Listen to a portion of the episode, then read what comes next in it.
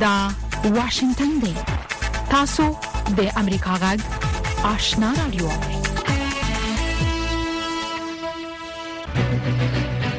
قدرمن اوریدونکو السلام علیکم زه شافیا سردار یم دا د امریکا غږ آشنا رادیو خبرونه پیښ شوه لومړی به خبرونه واوري د خبرونو لوستونکي سید سلیمان شاه د متحده ایالاتو د بهرنی چارو وزیر انټونی بلینکن وايي طالبانو د حکومت او د نړیوالو ترمنځ د اړیکو د ټینګېدو لار په افغانستان کې د ښځو حقوقو ته په درناوي پورې تړلې بلېنکن د سې شنبې په ورځ د اګست په پنځلس مه چې د زمري څلېرشت مه کېږي په یوه مطبوعاتي کنفرانس کې ویل چې طالبان به د یو شمېر ژمنو د نه عملي کولو له امله په ځانګړې توګه د بشري حقوقو په برخه کې حساب ورکوي. په همدې حال کې د طالبانو د حکومت د بهرنیو چارو د وزارت سیاسي مرستیال شېر محمد عباس ستانکزي له امریکا غږ سره په مرکه کې ویلي چې د ښځو حقونه د افغانستان یوه داخلي مسله ده او په امریکا پورې اړه نه لري. په عین وخت کې د متحده ایالاتو د کانګرس د استازو د مجلس د بهرنیو اړیکو د کمېټې مشر مایک مککال یو ځلې بیا له افغانستان نه د امریکايي پوځیانو پر وتلو نیوکه وکړه، پړه یې د جمهور رئیس جو بایډن د حکومت پر غاړه واچوله.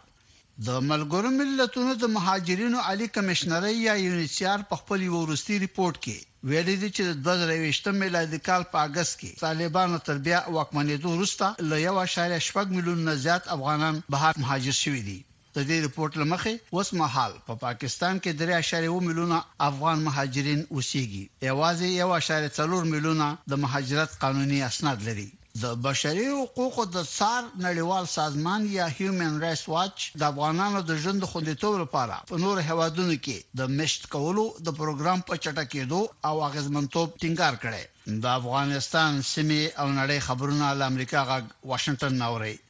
پاکستاني مقامات وايي چې یوې ډلې قهرجنو اعتراض کوونکو پرون د چهارشنبې په ورځ د زمري په پنځه ویشت مه وروسته له هغې د عیسویانو کلیساوو ته اورونه واچول چې یوه عیسوۍ کورنۍ د اسلام دین ته په سپکاوي تورنه شوه. سیمه ییزو پولیسو د فرانس پرس اژانس ته ویلي چې په سلګونو کسانو د فیصل اباد په ښار کې واقع په دوو کلیساګانو باندې برید وکړ، په یوې عیسوي کورنۍ ته د قرآن شریف د سوځولو تور لګول شوی و. د چین او هند نظامي قوماندانانو د دوه ورځو خبرو وروسته اعلان وکړ چې د کنټرول د کرښې په اوږدو کې به د سولې او ثبات د ټینګولو لپاره په ګډه کار کوي. دواړو خواوو د مذاکراتو په پای کې په یوه مطبوعاتي اعلامیه کې ویلي دي چې په دې اړه یې مثبت، تعمیري او ژور بحثونه کړي. د متحده ایالاتو جمهور جو بایډن او میرمن جیل بایډن په پام کې لري چې د دوشنبې په ورځ د هوایي ایالت د ماوي له تفریحي ټاپو نه د لیدنې په وخت تیره اونۍ د ځنګلي اورونو په نتیجه کې د تباهۍ مناظر په خپله وویني. له ویجاړو شوو ودانیو نه چارواکو تر اوسه پورې یو سلو او شپږ مړي را ایستلي دي. د تیرو سلو کلونو په موده کې تر ټولو زیات تباه کوونکي یې ځنګلي اورونه وو. پخوانی شوروي اتحاد د جورجیا د جمهوریت او د چین ترمنځ نوو ستراتیژیکي اړیکو د جورجیا لویدیځ انډیوالان په تشویش کې اچولي. د افریقایي هېواد نیجر د دفاع وزارت د چهارشنبې په ماښام خبر ورکړ چې د شک لاندې وسلهوالو جهادي ډلو دغه هېواد په لویدیځ کې د پوځ اوولس عسکر د بورکینا فاسو او مالي له سرحد سره څېرمه وژلي دي. دا واشنګټن دی. پخوانی شوروي اتحاد د بالتیک جمهوریت او د ناټو غړی هېواد لیتوانیا چې درې میلیونه نفوس لري، په بلاروس یا سپینه روسیه کې واګنر ډلې د کرایه عسکرو د شتون له امله د امنیتي وجوهاتو پر بنا د خپل سرحدي امنیت په ټینګولو پیل کړی. څارونکي وايي چې په سوډان کې روانه کورنۍ شخړه اوس له عسکري او دیپلوماتیکي پلوه د بنبست پړاو ته رسېدلې، ژر تر ژره یې د حل کولو هیلې مړاوې شوې دي. کوم سوډاني مهاجرین چې د هغه افریقایي هېواد له پایتخت خرطوم نه ګاونډي هېواد جنوبي سوډان ته پناه وړي، وايي چې خرطوم د زوال او سقوط پر څنډه ولاړ دی. قید شوی امریکایي ژورنالیست اسټن ټایس چې څه باندې یوه لسیزه مخکې په سوریه کې تری تم شو او فکر کېږي چې د سوریې د رژیم د ځواکونو سره په قید کې مور یو ځلې بیا جمهوررس جو بایډن ته خواست وکړ چې ازاد یې کړي. آسټن د هغو دوو امریکايي ژورنالیستانو په جمله کې شامل دی چې په بهرنیو هېوادونو کې د خپلو مسلکي دندو د سرته رسولو په وخت له نیولو وروسته په زندانونو کې وغورځول شو او د سوماليې د هوبیو ساحلي ښارګوټي اوسېدونکي وايي چې د شګو توپانونو د مسیر د بدلېدو په وجه د هغوی کورونه، ښونځي او کاروباري مرکزونه په کراره کراره په شګلنه ځمکه کې د ډوبېدو په حال کې دي او د دې تاریخي ښارګوټي شتون یې د نابودۍ له ګواښ سره مخامخ کړی. د خبرونو پای.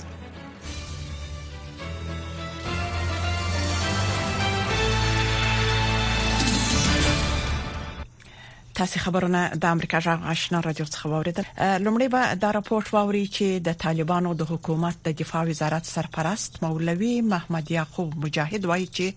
هیڅوک دې په خپل خاور کې د امنیتي پیښو په مخنیوي کې د ناکامۍ پړه پر افغانانو او د طالبانو پر حکومت نه اچوي مولوی مجاهد په خپل مخالفانو باندې هم وطن ته د ستنیدلو ژغ کړی دی د چارو ځینې کارپوهان وایي چې د طالبانو د دفاع وزیر څرګندونې پاکستان ته متوجه وي دا کارپوهان وایي طالبان له پاکستان څخه راغلي او دا هیواد ورڅخه ځینې غوښتنې لري چې طالبانو ورته تر اوسه پاملرنه نه ده کړې په دې باره کې تاسو په مکړی زموږ د خبريال اکرام شینواری رپورت مولوي یعقوب مجاهد د سې شنبې په ورځ د دفاع وزارت کې په افغانستان کې طالبانو لخوا د بیا واک ترلاسه کولو د دویمې کلیزې په مناسبت یوې غونډې ته په وینا کې وویل چې د دې لپاره چې د خپل ملت فکرونه بلې خوا ته واړي پر افغانستان باندې تورونه لګوي موږ ورته وایو چې خپل مسؤلیت ته متوجه سئ خپل کار ته ژمن اوسئ خپل د هیواد امنیت وساتئ افغانستان مه متهموه افغانستان د چا لپاره خطر نه دی افغانستان د چا لپاره ضرر نه دی افغانستان دا څلوېښت کاله ستونزې او مشکلات ګاللي دي او پوهېږي دا ولس پوهېږي چې دا ناخوالې او مشکلات د هیچا په ګټه نه دي موږ د هیچا سره دښمني نه غواړو د هیچا امنیت خرابولو ته تږي نه خو دوی باید خپل مسولیت وپیژني د طالبانو د حکومت د دفاع وزارت سرپرست په خپل سرګردونو کې د کوم هیواد نوم وانه غوښت خو په دې وروستي اونیو کې د پاکستان پوځي او ملکی لوړپوړو چارواکو په پرلپسې ډول د طالبانو په حکومت د تحریک طالبان پاکستان ټي ټي پي ډلې وسلوال ته د پناه ورکولو تورونه لګولې دي د پاکستان د پوځ مشر جنرال سید عاصم منیر د اگست په اومه د پیښور په بالاحصار کې یو غونډه ته په وینا کې طالبان حکومت باندې دغه هیواد مخالف وسلوال ته د پناه او پازار ډول د فعالیت د اجازه د ورکولو تورونه ولګول ول مولوي یعقوب مجاهد په خپل وینا کې د خپل حکومت د مخالفو وسلوالو د فعالیتونو په اړه خبرې وکړې او پرته له دې چې د کوم هیواد یا هیوادونو نو واخلي له هیوادونو وغوښتل چې د طالبانو په خلاف دي د طالبانو مخالفو وسلوالو سره مرستې نه کوي د طالبانو د حکومت یوې وسلوالي مخالف ډلې د افغانستان د مقاومت ملي جبهې د دوشنبه په ورځ په اعلامیه کې د طالبانو په وړاندې د وسلوالي مبارزې ترڅنګ د مدني خوځښتونو لارې د مبارزې په دوام ټینګار کړو دغه جبهې دا کړې و چې په افغانستان کې د طالبانو په وړاندې مقاومت د پراخېدو په حال کې دی د طالبانو د حکومت د دفاع وزارت سرپرست خپل وینا کې د خپل حکومت له مخالفینو وغوښتل چې افغانستان ته دې ستانه شي بیا ورته وایو یو ځل بیا ورته وایو چې موږ د دشمنۍ او انتقام جویي فکر د ذهنونو څخه ایستلی په مینه او محبت د هیواد د بیارغونې په عزم او اراده باندې راغلی یو او دا وطن به جوړوو راسئ په دې ستر کار کې د خپل افغانانو سره ملګری شي بهرنیو جاسوسي ادارو د خپل وطن او دین و دشمنانو ته نور تمه مکوي تاسو به دا فکر کوئ چې بیا به افغانستان د ناخوالو او مشکلاتو سره مخ کوي بیا به تاسو د پردیو پر مټ او پر پردیو ټانګونو سپاره او په پردیو تیارو او هلیکوپترو کې سپاره په افغانستان کې کښته کیږي او راځي به ان شاء الله چې د الله جل جلاله په نصرت سره دا کار به نکیږي او موږ به اجازه ورنکو د سیاسي چارو افغان کارپو طارق پرهادي امریکا غږ ته ویل چې پاکستان د طالبانو د حکومت څخه ځنې غوښتنې لري چې طالبانو لا تر اوسه ورته ځواب نه دی ویلي خاغلی فرهادي اندېښنه لري چې د طالبانو د حکومت او پاکستان په اړیکو کې به ترینګلتیا همداسې دوام ومومي خوب از این نگذریم که طالبان خودشان از پاکستان آمدن در این 20 سال گذشته زیر حمایت پاکستان بودند و حال پاکستان از پیششان چیزهای میخواهند و در مورد تی تی پی طالبان تعلل کردن مسئله را حل نکردن پاکستانی ها را گفتن شما باید صلح کنین با اینا و تی تی پی امروی پاکستان صلح نمیکنه تاریک پر هدی وی چی طالبان د افغانستان په هوایی حریم باندې کنټرول نه لري او پاکستان به تحریک طالبان پاکستان د ډلې د وسلوالو په وړاندې بریدونو ته دوام ورکړي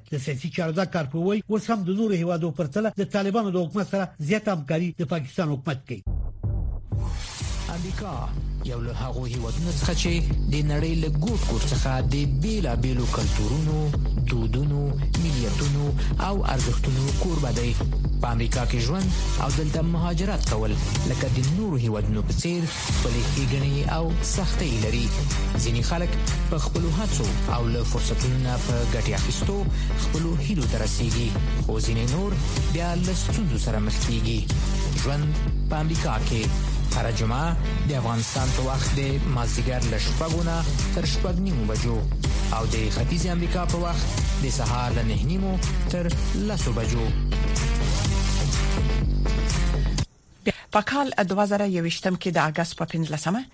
په افغانستان کې د طالبانو بیا واک ته رسیدو څخه پس که څه دوه کاله تیر شوي دي خو د افغان ښځینه ژورنالیستانو وضعیت کې هیڅ مثبت بدلون نه دی راغلی او د هیواد دننه او له هیواد وتلي ژورنالیستان لا هم د یو شمیر بندیزونو او ستونزو سره مخامخ دي نو په دې باره کې زموږ همکار متي الله عابد یو راپور تیار کړی دی چې تاسو ته دراوړو پیغله دیو نیازې په هغو زرهو افغانانو کې شامل ده چې د کال 2023 نه پس امریکا ته راغلي او دلته په نوي محیط کې د ډیرو ننګونو سره ژوند پیل کړی دی هر څه راته سخت ښکارېدل چې اوس ژوند به څنګه مخته وړم، هر څه زما په غاړه ښکارېدل، نو دغه لږ زري داسې ډسټرب کړم، اما اوس خوشبختانه هر څه راته ښه ښکاري، د دې ځي خلکو سره، د دې ځي کلتور سره اشنا شوم، ژوند کول راته اسانه شو او اوس زه محسوسوم چې همدغه همدلته زما ژوند شو او باید خپل ژوند مخته ویوسم. ډاکټر طارق اکبري د امریکا ورجینیا ایالت کې ژوند کوي او وایي چې دلته د نوي ژوند په پیل کې ورسره خپلې پخوانۍ تجربې او زده کړو مرسته کړې خو دی غواړي چې افغانان باید دلته راتګ نه مخکې د امریکا په اړه مکمل معلومات ولري ما په خپل کې ځان واخلم یا فامیل ولې موږ ډیر کوشش وکړ چې د موږ څنګه ځان عیار کو خاص کر زما مثال موږ د انګلیش یا د ژبې ستونزه نه درلودل نو محیط سره ځان یارول ډیر اسان کار وو بل دا د محیط سره ځان یارول د پر پکار د چې موږ مخکې تر مخکې چې دلته راسو کم اس کم د خپل خپلوانو نه ملګرو نه انډیوالانو نه د دې ځي مطلب څومره معلومات پکار وي هغه واخلو چې دلته څه په کار دي آیا پیسې ضرور شي دا کوم ځان سره راوړو آیا د اسناد درسي او دا نور چې څومره مثال کارونه دي د په کار چې د معلومات مونږ ته خپل خپلوان یا انډیوالان یا د یو اداره یو څنګه وی چې مثال مونږ ته دراتلو نه مخکې وړاندې مونږ ته د ټول خبرې وکي خو مونږ د دلته د ټول شان مزده کړ هغه لسیام پسلې چې د یو لړ کتابونو لیکوال او هڅونکو ویناوال هم دی او د هم تازه وختونو کې امریکا ته راغلي دي نور راغلو افغانانو ته یو لړ مشورې لري دی وایي چې لومړی دا چې په ژبه پوهېدل دي انګلیسي ژبه ډیره مهمه ده هر هغه څوک چې غواړي چې په دې ماحول کې پرمختګ وکړي باید انګلیسي ژبه زده کړي دا ډیره مهمه ده دوم په ځانګړي برخه کې سرټیفیکیشن دی تاسو معلومه ده چې په امریکا کې په هر برخه کې چې تاسو کار کوئ نو تاسو ځانګړي سرټیفیکیشن ته ضرورت لري دریم زموږ نتورکینګ دی شبکه سازي ده د خلکو سره همیشه په تماس کې اوسېدل دي خپل ټولنې سره د ټولنې د بهر د نورو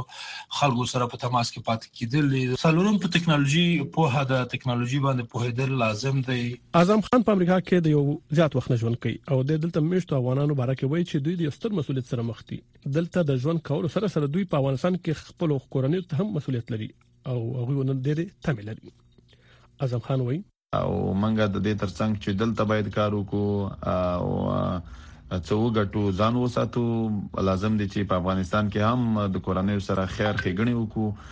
د خپل کورنۍ سره خېګنه وکړو او نور دا سي غریب غربت چې دی هغه سره خېګنه وکړو ترڅو هغه هم دغه هغه تمه یا توقع چې دلته د افغانانو لري یو اندازه روان شي او د هغوی ژوند د مخ پرمختګ وکړي او پر مخ لاړ شي. په امریکا کې د دوو کالو د تېرېدو نه پس افغانان اوس امریکا خپل کور ګڼي او خپل راتلونکي هم دلته ویني. پیغله ډیوه نیازۍ زیاتوي. خوشبختانه دغه دواړه په تېرېدو دي. اوس د دې ځای محیط، خلکو سره، قانون سره، ژوند کولو سره، اصولو سره د ټولو سره عیاره شوی یم. اوس راته ژوند کول اسانه شوي، اوس خو بیخي ډېر زیات اسانه شوي دي. کولای شم چې خپل وطن ته یا کوم بل سفر ولرم کولای شم ژوند په امریکا کې د فرصتونو ډک ژوند یادېږي او نوی راغلي افغانان هم په خپل صلاحیت او ظرفیت د دې ژوند نه ګټه اخلي متیولا عبد امریکا غږ آشنا راډیو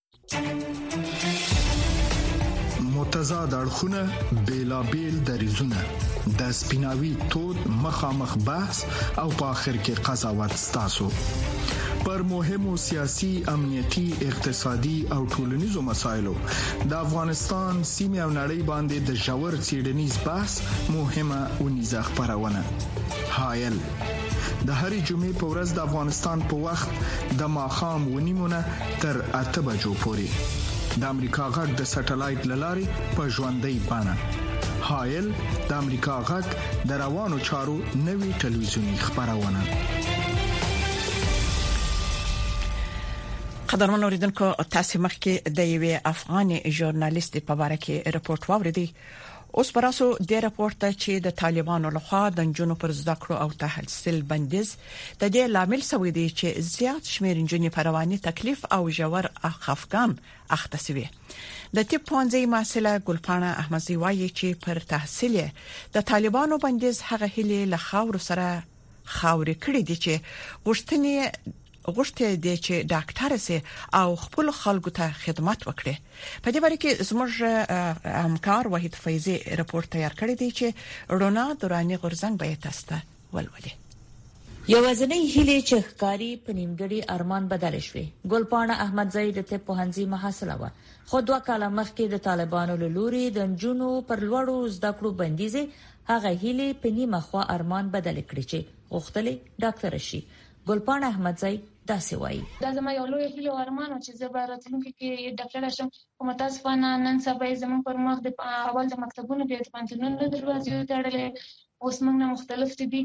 امتحانونه د هغه نه اخیستل کېږي، نو دا نه یوازې دا چې زموږ حق کې جفا ده، دا زموږ د ښځینه وو طبقې یا قشر هغوی هم ډیره سرمه لیدلې ده دا افغانستان ته یو سرمه ده. واک ته د طالبانو له رسیدو وروسته لومړنی اقدام یې له شپږم ټولګي وروسته د نجونو پر زده کړو بندیز لګول و. پر زده کړو بندیز د زرګونو نورو نجونو په څیر د احمدزۍ ژوند هم بدل کړی. ګلپاڼه احمدزۍ وایي، نجونې په رواني ناروغیو او ژور خپګان اخته دي. هغه داسې وایي دوی پر روح او روان باندې په هر یو باندې ډیر بد اغیزه کړې ده زیاتره داسې شاګردان موږ لرو چې وایي د ډیر تشویش او خفګان د خپل آینده د خپل پرمختګ په اړه چې لري هغه ډیپریشن ته تللی دي ډیپریشن چې یو ژور خفګان ناروغي ده او یعنی هر ورځ د دې لپاره کړیږي چې مونږ یو نامعلوم راتلونکي سره مخ یو د انجونو پر زده کړو او د میرمنو پر کار محدودیت لګول په ملي او نړیواله کچه غندل شوي دي. طالبان وايي چې میرمنو ته د شریعت په چوکاټ کې حقونه ورکړل شوي دي. خو ملا عبدالضعیف په پاکستان کې د طالبانو پخوانی سفیر داسې څرګندونه کوي. تعلیم لپاره د هغوی لپاره پروسیجرونه او تعلیمي اقدامات وکړي او د دوی د سوکالۍ لپاره د دوی د ښه ژوند لپاره ټول اقدامات وکړي خو د دې مخالف وم چې دا د بهر څخه د فشار یا د بهر د هغوی په ضد باندې تبلیغات شي ځکه دا د هغوی حق نه دی دا د افغانان حق دی افغانان چې څومره وایي باید وایي دا تاییدوم نجونې تمه لري چې د زده کړو اجازه ورکړي شي ګلپانه احمدزی ډیره نا امیده ښکاري. د ټول نجونو غوښتنه همدا ده چې زموږ پر مخ زموږ د مکتبونو او پوهنتونونو دروازه مه تړئ. د ټولو څخه غواړو چې زموږ پر مخ زموږ د مکتبونو او پوهنتونونو دروازې خلاصې کړي تر څو موږ تعلیم وکړو. نړیوالې ټولنې په پرله پسې ډول د طالبانو غوښتي چې په افغانستان کې دې د بشري حقونو په ځانګړي ډول د ښځو، نجونو، قومي او مذهبي اقلیتونو حقونو ته درناوی وکړي. خو د نړیوالې ټولنې دغو غوښتنو ته تر اوسه طالبانو کوم مثبت ځواب نه دی ورکړی رڼا دورانی غورځنګ د امریکا غږ واشنگټن د بدلون پر مهال کله چې د نړۍ وضعیت څرګند نه وي او کله چې اوریدل ل عیني واقعیتونو سره سمون نه خوري موږ په حقیقت پسې ګرځو کله چې موږ ته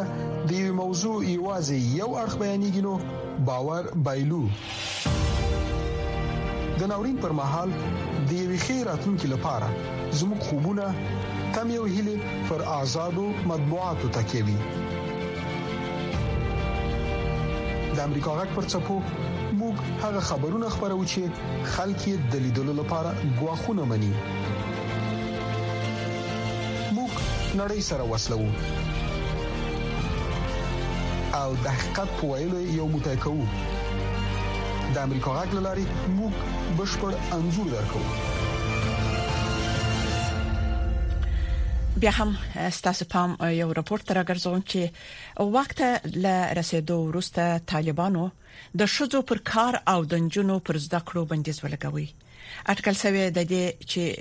د ښځو پر کار بندیز نه یوازې پر ښځو ناوړه اغیزه کړې بلکې دغه بندیزونو د افغانستان اقتصاد ته لسګونه میلیونه ډالر زیان اړولی دی او د نجونو پر زده کړو بندیز به د نورو اړخونو ترڅنګ په اوږده مهال کې پر اقتصاد نه جبران کېدونکې اغیزه ولري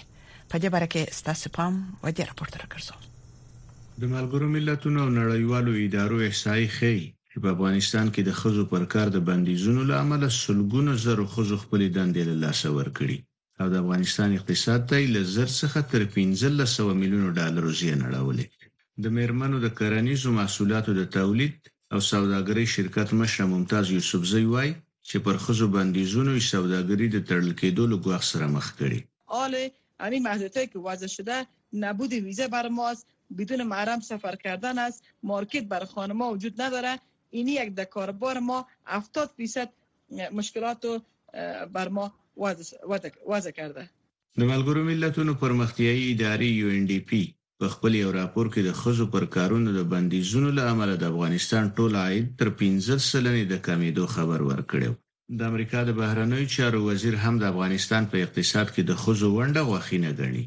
انتوني بلینکن وايي. که د افغانستان ښځو ته د کار اجازه ورکړای شي، دوی د افغانستان اقتصاد ته یو میلیارد ډالر وراضافه کولای شي. دوی د هغو کورنیو چې د بیوزلۍ سره مخ دي د هغوی د ژوندۍ پاتې کېدلو وسیله کېدای شي خځې په افغانستان کې د لازیات ټیکاو رامنځته کولو کې مرسته کولای شي هغه خلک چې د مهال په افغانستان کې ورته سخته اړتیا ده سره د ژوند د دوام لپاره مرسته کولای شي نور شنونکي بیا د افغانستان په اقتصاد کې د خځو ونډه تر 1.5 میلیارډ ډالرو پورې ګڼي په دې اړه د اقتصادي چارو شنونکی عبدالقادر جیلاني وايي. یعنې که په ټوله موږ ووایو د جي ډي پي یو اساسي عامل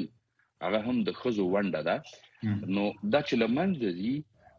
په تقریبي شکل باندې موږ ویلی شو چې یو اعشاریه پنځه میلیارده ډالرو په ارزښت باندې په مختلفو سکتورونو کې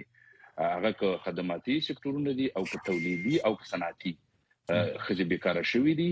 او دا په راتلونکي یو کال کې کچېرې په همدغه منوال باندې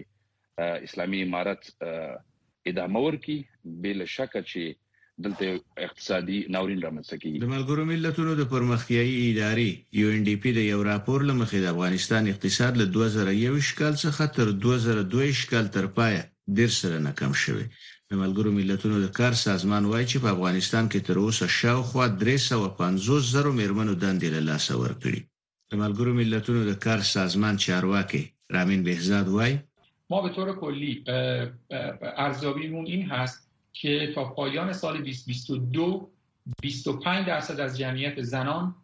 زنان شاغل و 7 درصد از جمعیت مردان شاغل افغانستان کاهش یافته است وړاندوینه دا ده چې د دومره ستر شمېر مېرمنو بیکاري او د بیکارۍ سره تړلی اقتصادي زیان به پر خلکو لنډ او اوږدمهالې اغېزې وکړي.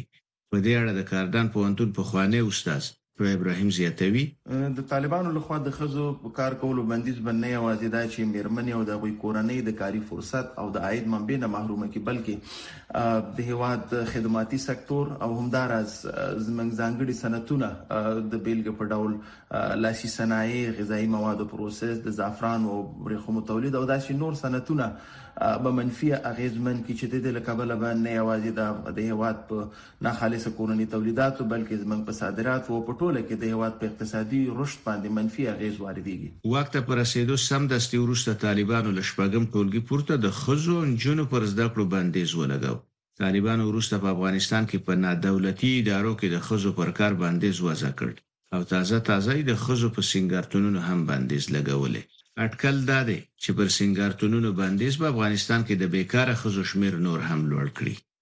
احمدالله ارچیوال اشنا راډیو، واشنګټن. طالبانو د افغانستان له دننه د امریکا غږ راډیو خبرونه درولې دي خو امریکا غږ په پوره شمنتیا خپل افغان اوریدونکو ته په پښتو او دری ژبه د کره باوري او هررخیزو خبرونو په خبرولو د افغانستان له بهره په نهه سوه او دوه اویا کیلو هرتز منځنوي څپو خپلو خبرونو ته دوام ورکړي. د دې ترڅنګ تاسو کولی شئ چې زموږ پښتو خبرونه په لاندو څپو هم واورئ. پښتو سهارنۍ خبری خبرونه پر 2290.0 څپو اوریدل شي. ما خبرنۍ پښتو خبرونه په 2140.0 2015.0 9815.0 14590.0 میګا هرتز لاندو چپو اوریدل شي سپینه خبره یا رکو راز خبرونه په لاندو چپو 2015.0 میگا هرتز د نن او وضعیت یا روایت امروز خبرونه په لاندو چپو 2041.0 9915.0 2015.0 او تاسو غږ یا صداي شما خبرونه په لاندو چپو 2015.0 نهه زره درې سوه پنځه پنځوس میګا هرتز اوریدل شي. د طالبانو بیرته واک ترلاسه کولو دوه کال وروسته هیڅ دولت د دوی حکومت په رسمیت نه دی پیژندلې د طالبانو مشرتابه د چین، پاکستان، قطر او روسیې په ګډون غنو بهرنو ماموریتونو ته خپل استاذي استولې دي خو لا تر اوسه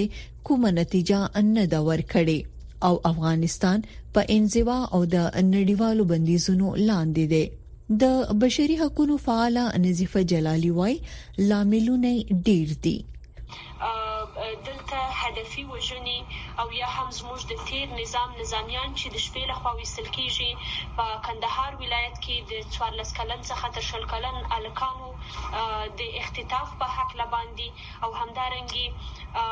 زموږ پر خویندو باندې د محدودیتونو پر وضع کیدلو باندې چې د دوی اساسي او اسلامي حقوق یې واقعا تر سوال لاندې وړی دی په دې هکله موږ خپل اندیښنې وړاندې کوو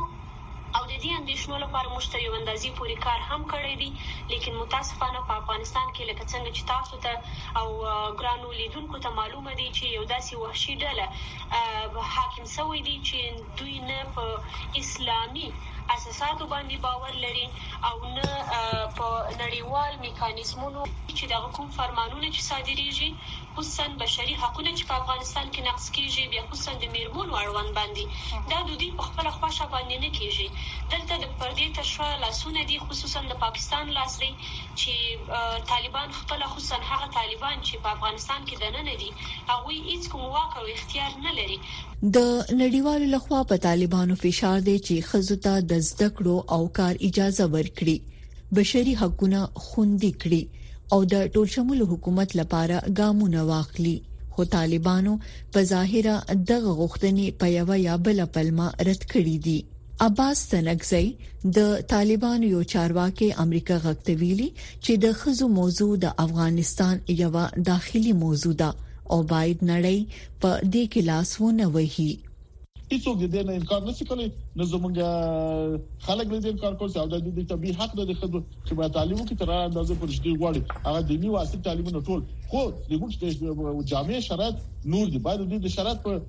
رڼا کې او په حجاب او په اناني کلچر او دغه باندې ان شاء الله الرحمن ته بجاونه مطلب د افغانستان خځې ټول مجاهد خځې دي او د دې غیرتي وطن غیرتي خځې دي زموږ خويند دي ټول په حجاب او په اسلامي شرایط باندې برابر دي څوک د مخالف دي منتها څه تخنیکی مشکلات موږ لرو چې هغه دغه یو څه اختلاف د نظر په بازو ځای کې ستا چې دغه سره حل شي ان شاء الله کوشش کوو چې زړه ځان د مشکل حل شي خځې په مخ مدرسې او پانتونونه او سکولونه هم خلاص په افغانستان کې د بشري حقونو لپاره د لسو نړیوالو سازمانونو یوې ډلې نن ویلي په تیرو دوو کلونو کې طالبانو په ځانګړي توګه په زیاتیدونکو ډول ناوړه سیاستونه پلي کړی دي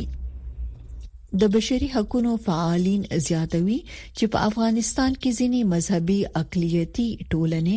د ورکیدو لګواخ سره مخ دي او نور د غچ اخیستنې له ویرې په پټه د خپل عقیده د عملی کولو لپاره مبارزه کوي شیناز نفیس امریکا غږ واشنگټن درنو لیدونکو زموږ د خبرونه په هم دې ځای پای ته ورسیده د امریکا جغ آشنا را دوه خبرونه دوام لري ستاسو ټول څه مننه چې زموږ خبرونه اوري